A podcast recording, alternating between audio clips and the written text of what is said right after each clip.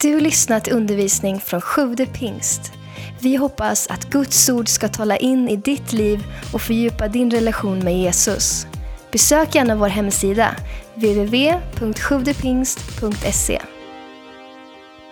Hörrni, vi ska läsa ett bibelord från Galaterbrevet 3 och vers 28. Eh, som bara ska bli ett avstamp här i min predikan. Det står så här i Galaterbrevet 3.28. Här är inte jude eller grek, slav eller fri, man och kvinna. Alla är ni ett i Kristus Jesus. Alla är ni ett i Kristus Jesus. I somras så eh, bestämde vi oss med några få veckor kvar till beräknat datum för våran son att eh, renovera vårt sovrum. Jag tänkte det är väl en bra grej att ha klart när, när barnet kommer. Att, och så, sagt och gjort, så när semestern börjar så, och det var typ 30 grader eller någonting, så nu kör vi, nu renoverar vi sovrum här. Och en del i det var att vi skulle få in en, en stor och fin och härlig garderob. Så att eh, sagt och gjort, vi eh, skyndade ner till Ikea och eh, slängde på ett fullt paket sånt här härligt stort garderobsystem, typ två meter brett och 2,20 högt och skjutdörrar och automatisk belysning och liksom, Där ska det inte sparas och snålas utan nu ska det bli riktigt härligt här. Ehm, och eh, sen så hem igen då och så in med det i huset. Och man kan väl säga att det var den enkla delen utav att, att, att liksom skaffa sig en garderob. Tänk dig garderob, hur svårt kan det vara? Två timmar max liksom. Eh, så jag började slita det där lite grann och bara insåg, alltså det här tar tid alltså. Och jag räknade inte tiden riktigt men alltså det tog säkert en 12-15 timmar. Så jag vet inte, det var så mycket små grejer och skruvar och den där och det skulle upp där och först den och hit och dit och läsa så att det inte blev fel svängning på de här skjutarna och allt möjligt. Och till slut i alla fall så, så blev det en garderob. Men ni får gärna komma hem och titta våran fina ordning och färgmatchade skjortor nu som hänger där på rad. Och, ja, det är säkert. Det ser väldigt fint ut. Men det här med att bygga IKEA-möbler, jag tänker att det säger en del om oss som människor. Så jag tänkte att jag ska göra ett litet test här innan jag fortsätter min predikan. Och eh, se lite grann här. Alla gillar ju ett kryss två, eller hur? Ja, det gör vi. Absolut. Eh, och nu tänkte jag att vi ska testa här nu då. Vem, vem av de här typerna av människor som du identifierar dig med? Ett kryss eller två. Nummer ett. Är det här du? Innan du plockar upp en enda del så letar du rätt på instruktionsboken och tar fram understrykningspennan. Läs igenom varje steg varpå du kontrollräknar att alla delar finns så att du inte blir överraskad längre fram i processen. Efter en noggrann överblick och med alla skruvar och delar fint sorterade i burkar så tar du dig an uppgiften under devisen. Det är viktigare att det blir rätt än att det går snabbt. Det är nummer ett. Du som känner igen det eller kanske du känner igen någon annan, jag vet inte. Eh, kryss här nu då. Det här är du kanske. Med stor entusiasm så river du upp paketen och tänker hur svårt kan det vara?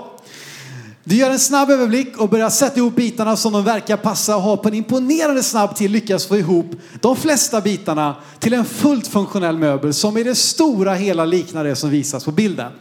Du tittar på de ganska många kvarblivna skruvarna med en axelryckning och tänker att ja, de har säkert skickat med en del extra. Innan du är klar ställer du in favoritprydnad på möbeln, tänder två levande ljus och så upp med det på sociala medier och tänker bra jobbat.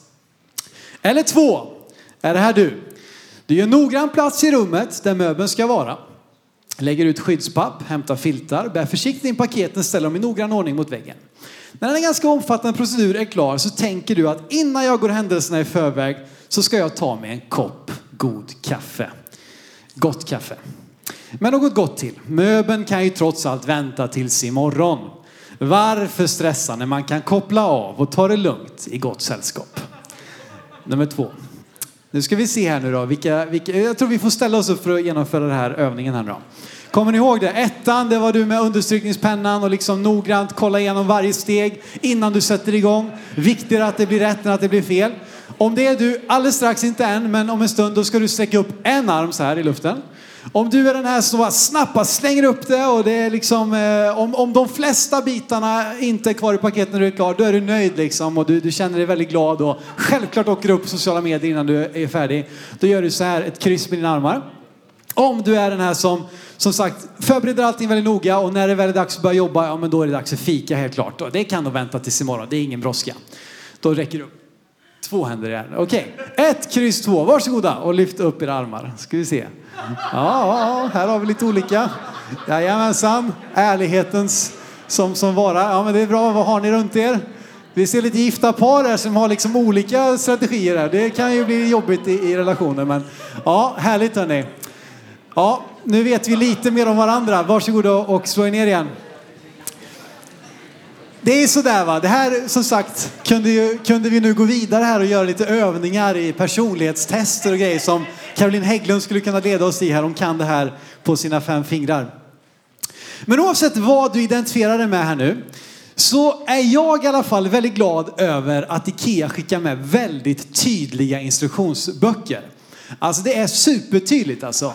Du, har liksom, du ska inte göra sönder möbeln. Du ska lägga en matta under. Då blir du glad och inte ledsen som den andra gubben. Och om du mot förmodan inte skulle fatta så kan du alltid ringa till Ikea så kommer de att förklara vad bilderna betyder. Alltså det är fantastiskt. Du vet när vi ska förstå hur någonting funkar så är det väldigt bra att gå till den som har tillverkat grejen i fråga. Vi kan titta på kanske eh, eh, bara en massa olika delar och vi förstår ingenting. Vad är det här? Men den som har tillverkat eller uppfunnit eller skapat den här grejen har för det allra mesta väldigt bra koll. Och då är det inte så att vi ringer någon helt annan liksom Eh, ja men som sagt om vi ska sätta ihop en IKEA-möbel och förstå, då är det inte så att vi åker till Byggmax och frågar hur sätter jag ihop min IKEA-möbel? Nej, du går till IKEA. Du kanske tycker att det var, ja visst det är bra det du säger, men vad vill du komma? Jo, jag tror det är så viktigt som sagt för att förstå syftet, tanken med någonting, att vända sig till den som faktiskt är upphovsmakaren. Vad är tanken? Vad är syftet? Vad är idén? Förr eller senare i våra liv så kommer vi till en plats där vi frågar oss själva, vad är syftet med mitt liv? Varför är jag här? Vad är, vad är poängen med att, att överhuvudtaget liksom dra in luft och andas ut igen? Varför är jag här och lever en 80, 90, 70, 100 år och bara uppfyller tid? Vad, vad, är, vad är poängen? Och i det där så kommer du att inbjudas att söka på så många olika platser. Och många kommer vilja ge dig svar. Men jag tror att det enda platsen vi kan finna sant tillfredsställande svar på de frågorna är att gå till tillverkaren, gå till skaparen. Och där kan vi naturligtvis ha lite olika syn och tro på vem är det som, hur kom vi hit? Har man en syn på att det inte finns någon intelligent design, att det inte finns något, allting bara en slump. Ja, då blir också våra liv ganska meningslösa då kommer vi inte kanske kunna göra så mycket mer än att bara försöka göra en, hitta på det som kändes roligt just nu och imorgon var det tråkigt och om två veckor så gjorde det mig deprimerad. Och sen så blir det inte så mycket mer än så. Men jag tror att vi ska vända oss till vår skapare och Bibeln är tydlig när den beskriver vad tanken är med oss och vem som har skapat oss. Vi ska läsa i första Mosebok, vi börjar från början. Första Mosebok kapitel 1 och vers 27 till 28 så ska vi se Bibelns eh, berättelse om vem som har satt dig på den här platsen. Det står så här, Gud skapade människan till sin avbild, till Guds avbild skapade han henne, till man och kvinna skapade han dem. Och Gud välsignade dem och sa till dem, var fruktsamma och föröker, uppfyll jorden och lägg den under er. Råd över havets fiskar, himlens fåglar och alla djur som rör sig på jorden. Bibelns budskap är att varje människa är skapad till Guds avbild. Där i ligger hela den kristna etiken, hela den kristna moralen. Var kommer det ifrån? Människovärdet, vad, vad har det sin grund i att alla människor skulle vara lika värda? Som kristen och bygga på Bibeln så finns det ett tydligt svar. Att varje människa är unik, skapad i Guds avbild och har därför ett okränkbart människovärde. Vi, det, det, bygger inte på eh, liksom vilken bakgrund du har, det bygger inte på din etnicitet, det bygger inte på din utbildning, på din sexualitet, vad den är för någonting. Ditt människovärde bygger på att Gud har skapat dig till sin avbild. Och därifrån tar vi vårt avstamp. Nu också när vi går in i konfan, eller vad den är för någonting, så är det där i vi har vår utgångsläge.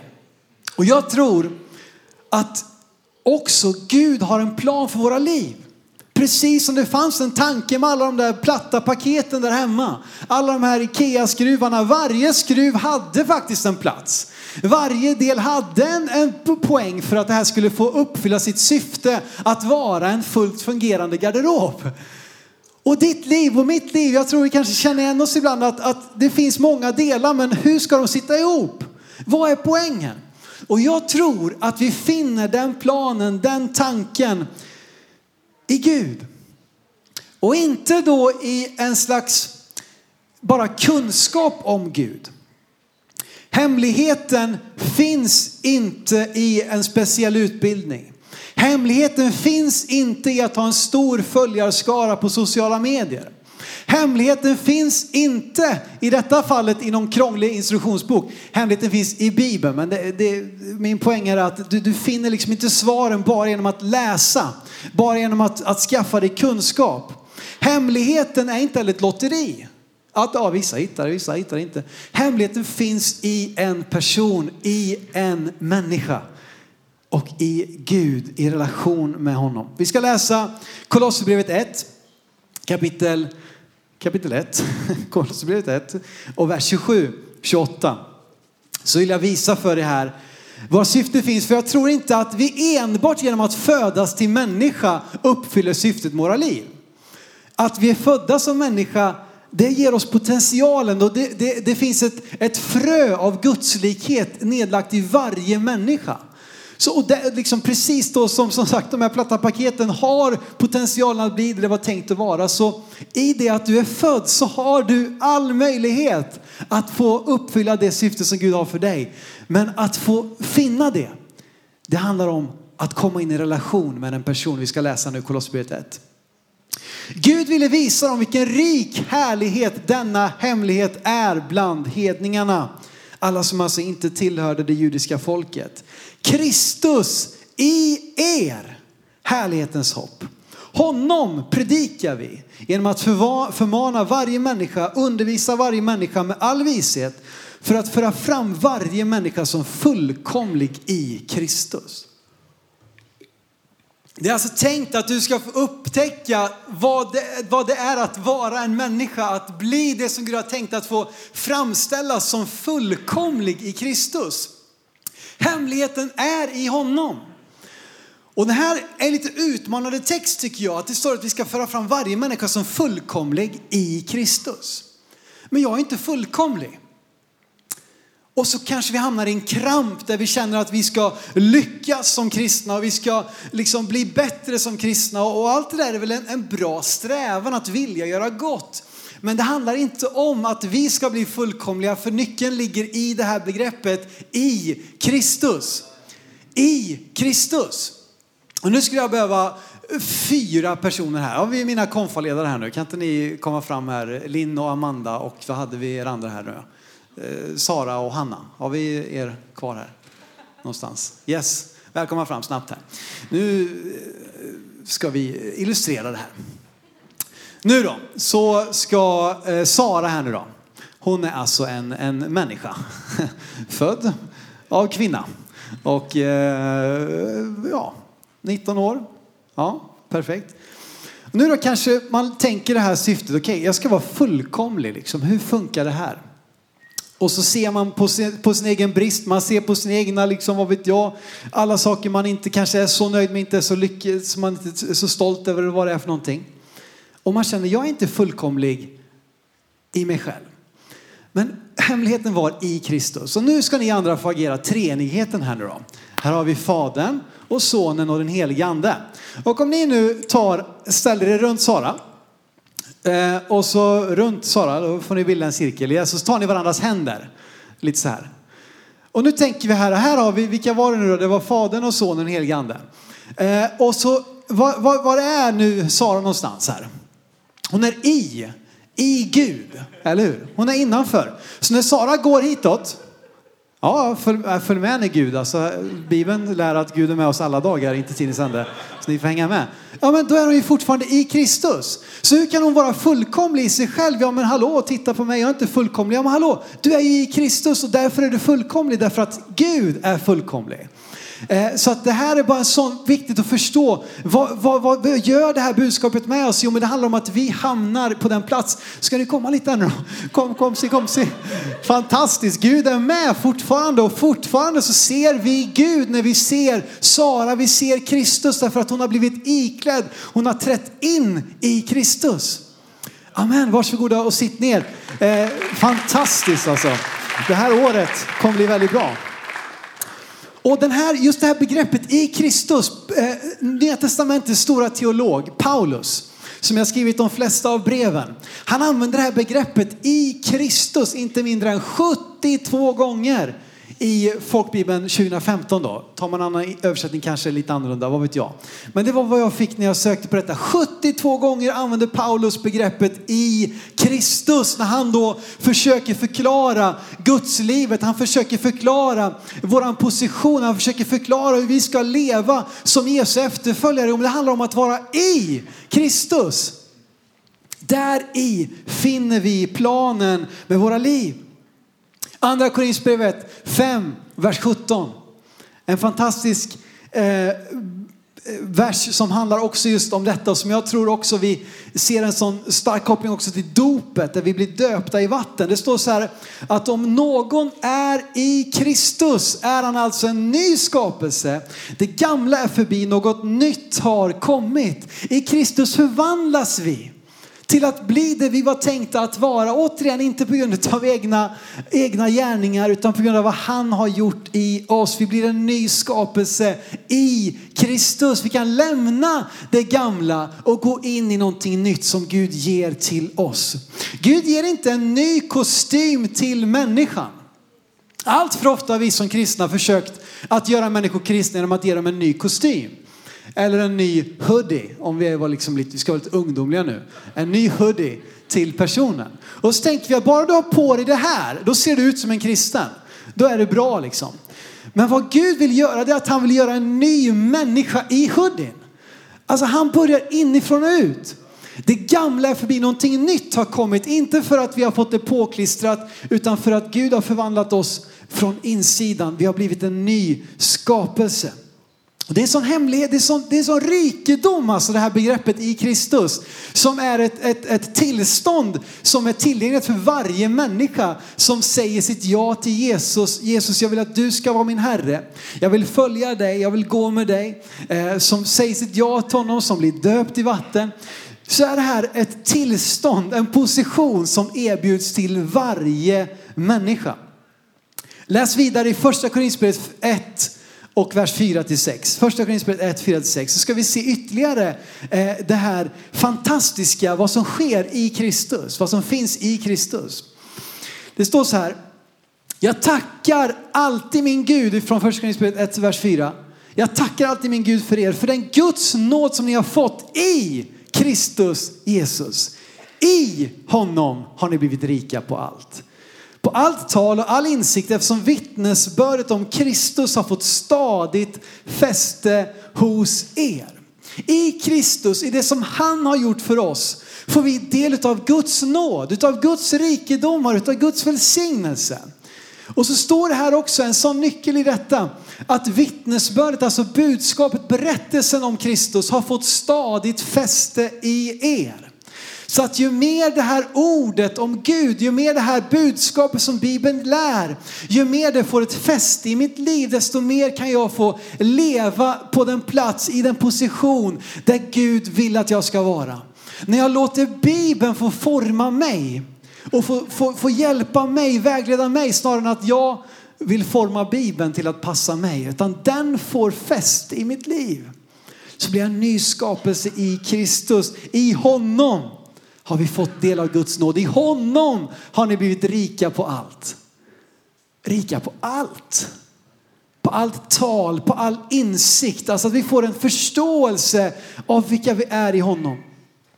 Hela Efesierbrevet kapitel 1 är en enda lång bara exposé av att vara i Kristus, vad det innebär. Vi ska läsa någon, någon, någon vers där på början.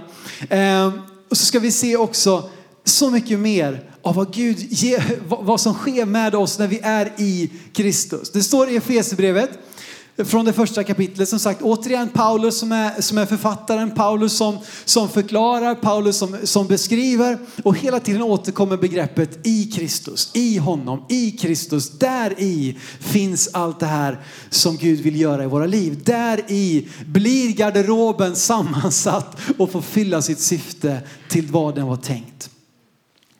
Det står så här i Efesierbrevet 1 och vers 3. Välsignad är vår Herre Jesu Kristi Gud och Far. Som i Kristus har välsignat oss med all andlig välsignelse i himlen. Alltså wow, all andlig välsignelse som finns i himlen. Det var inte all andlig välsignelse hemma liksom i Simons skafferi. Utan det är all andlig välsignelse i himlen och den är, alltså det är rikt, alltså det här är stort. Och frågan är om vi tillåter detta att få liksom ett, ett fäste i våra liv. Att det här är någonting som, som bara wow. Att vi kliver in i den här ringen, in the circle of trust. Alltså att vi får vara i Kristus där Gud är med mig överallt. Och i den positionen så är jag välsignad i Kristus. Och det fortsätter i Efesierbrevet 1 och bara öser på. Vers efter vers. Mer och mer och mer och mer. Jag ska inte läsa allt nu, jag ska bara visa lite kort för dig. I vers 4 så står det att du är utvald i Kristus. Alltså, du är inte liksom, eh, jag vet inte om ni kommer ihåg hur det var när man gick i skolan. Och sen så skulle man, springer man till, eh, så var det för mig i alla fall. Jag kutade så fort jag kunde till fotbollsplanen. Och så var det snabbt, etta välja, två välja. Så var man snabb där med att få välja lag då. Och så vet ni alla den här grejen liksom när man står och väljer väljer dig för han är bäst, han är snabbast, han skjuter, han, är, han tacklar hårt. Och så kanske man känner den här känslan av att komma sist. Ingen valde mig. Ja, ja du, resten, eh, liksom, resten kan vara med här ungefär. Men i Kristus är du utvald. Han väljer dig först. Det är fantastiskt. Det finns inget första och andra val när Gud tittar på oss människor. Han väljer oss allesammans först. Du är utvald i Kristus, lär vi oss i Efesierbrevet 1 och 4. Vers 7 lite längre ner så står det att du är friköpt i Kristus. Alltså att priset är betalt och så ofta brottas vi med en kanske fördömelse, vi brottas med, med, med saker vi har gjort och, och, och, och absolut är det så att Gud vill hjälpa oss att, att sluta göra det som inte är bra för oss. Alltså det, så är det verkligen. Men vi, vi mixar ihop det här, liksom vad, som är, vad som är Guds gåva och vad som är Guds lön kanske. Och så känner vi att vi inte räcker till. Men den här versen vittnar om att du är friköpt i Kristus. Vers 8 och 9, där ser vi att du är betrodd. Alltså att du får, du får bli anförtrodd. Det är samma sak där vet ni. Har ni varit med i de kompiskretsarna där, där, där några står och viskar i ett hörn och säger du får inte veta. Liksom, ja vad det nu är för någonting. Och så känner man sig utanför, man känner sig inte inkluderad. Men i Kristus så blir vi betrodda. I honom så får vi del av så mycket eh, av, av det. Så liksom, vi, vi inkluderas i Guds hemligheter. Vi inkluderas i Guds nåd. Vi inkluderas i hans, i hans gäng. Och en sak till då, vers 11. Där ser vi att vi får ett arv i Kristus. Alltså att vi, vi får del av arvet. Vi får ärva Gud. Halleluja. Alltså den ska ärva mig. Det är liksom, kanske har lite undanstoppat och sådär. Och det kanske finns någon, någon, liksom, någon gammal motorsåg och sånt där som man kan. Ja, det har jag faktiskt. Jag kan köpa en eh, i julklapp. Fars present här kanske. Eh, att ärva en människa, det kan ibland i och för sig vara mer eller mindre imponerande. Men att ärva Gud, det är någonting långt mycket bättre. Och i Kristus, i den här tron så blir vi det, vi får del av arvet. Alltså det, det är ett sånt fantastiskt inkluderande, generöst budskap. Och jag känner bara, jag vill ha det här, jag vill leva i det här. Det står också i vers 13 att vi får access till livet med den helige ande. Vi får del av det som han vill göra för oss. Vi, vi, alltså, vi får så mycket i Kristus och studera gärna Efesierbrevet 1. Läs den kanske, vad vet jag, ikväll eller imorgon bitti eller någonting sånt där. Och bara meditera på vad du har i Kristus. Och så slutar Paulus, eller han fortsätter fram i vers 18 och säger så här. Jag ber att era hjärtans ögon ska få ljus så att ni förstår vilket hopp han har kallat er till. Hur rikt och härligt hans arv är bland det heliga och hur oerhört stor hans makt är i oss som tror. Därför att hans väldiga kraft har varit verksam. Det är Paulus bön. Låt oss få förstå detta, låt det få bli en kunskap, en uppenbarelse, en insikt där vi som Jesu barn, som Jesu efterföljare förstår vilka vi är i honom. Och det jag vill sluta med att säga, och bandet kan komma fram här också, det är att sluta leva i din situation. Begränsad, kontrollerad, styrd utav vilka omständigheter som livet än har liksom kastat din väg. Utan lev istället i din position. Lev i din position, inte i din situation. Att oavsett vad livet kastar på mig, oavsett vad som sker runt omkring så kan jag stå stadigt och komma ihåg den här bilden utav Sara inuti treenigheten, inuti Gud i Kristus. Där kan jag möta vad den livet kastar på mig. Och Jesus säger det i Johannes 15. Han säger förbli i mig så förblir jag i er. Förbli i mig. Det är faktiskt ett val därför att Gud han tvingar sig inte på någon. Han gör inte så att han att han liksom, har du en gång sagt ja till honom så kommer han liksom förfölja dig så att säga mot din egen vilja i all evighet. Han kommer att vara med dig så länge du inkluderar honom i ditt liv. Men det börjar faktiskt med att vi förblir i Jesus så förblir han i oss. Att jag håller mig nära honom. Att jag stannar kvar där på den här platsen. Där jag är trygg, där jag är, där jag är omhändertagen, där jag, är, där jag kan få fullfölja den potential och det syfte som Gud har med mitt liv. När jag lever i min position i Kristus. När jag låter det få definiera vem jag är. När jag inte måste se min värld rasa samman för att någon annan säger någonting som är elakt eller felaktigt om mig. Det kan vara svårt att ta emot. Och livet kommer att ge dig besvikelser. Människor kommer att svika dig.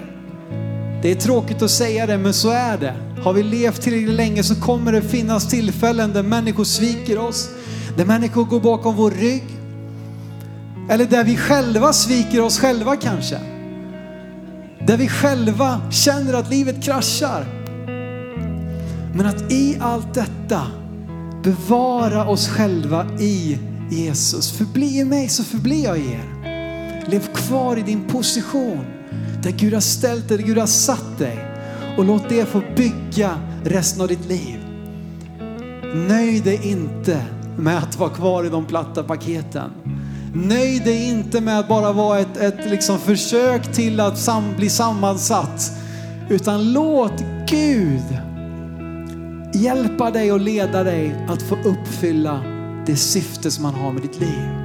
Och det är en inbjudan till varje människa. Jesus väljer dig först. Jesus väljer dig först. Ska vi bara ställa oss upp tillsammans i, i, i hela kyrkan. Det kan vara gott ibland att få röra lite på sig. Och, och när man står har man en sak mindre att tänka på. Det kan vara skönt också. Så skulle jag bara vilja bjuda in dig nu. Som vill kliva in i den här platsen. Som vill träda in i din position. Som vill få komma in i det livet, det syfte som Gud har för dig så behöver inte du vänta längre. Jag skulle också vilja be för dig som, som när jag beskriver det här att, att leva i sin situation och du ser det så tydligt. Hur din situation, hur omständigheterna i ditt liv har fått diktera. Har fått styra dig till en plats där du inte vill vara. Så vill jag också be för dig. En bön att Gud ska hjälpa dig in i rätt ställning i honom. Där du kan ta dig an vilken storm som helst därför att Jesus är i båten. Jesus han vill vara med dig. Han vill gå med dig. Tack för att du lyssnat. Glöm inte att du alltid är välkommen till vår kyrka. Du hittar mer info på www.sjuvdepingst.se